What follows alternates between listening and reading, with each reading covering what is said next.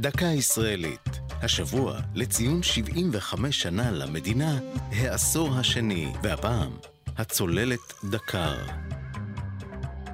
ב-24 בינואר 1968, מעט אחרי חצות, התקבל אות החיים האחרון מהצוללת דקר. הצוללת שרכשה ישראל מהצי הבריטי יצאה כשבועיים קודם לכן מנמל פורטסמות' שבאנגליה לעבר נמל חיפה.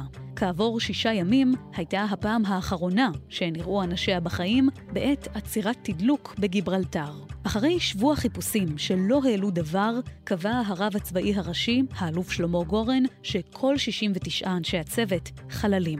שנה אחרי היעלמה, נתגלה בצפון סיני מצוף הצוללת, ובעקבות כך החלו חיפושים נרחבים באזור הים התיכון, אך גם הם לא העלו דבר. רק ב-1999, 31 שנה לאחר שנעלמה, כשהשתפרו אמצעי האיתור, הוחלט לחדש את החיפושים לאורך נתיבה המתוכנן, והצוללת זוהתה בעומק כ-3,000 מטר מתחת לפני הים, בין כריתים לקפריסין.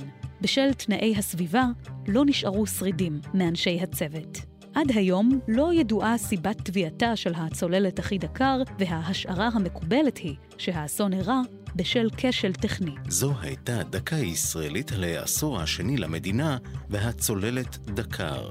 כתב אוהד ברזל, ייעוץ אלוף משנה במילואים מייק אלדר, הפיקה פרח בר גולדפרב.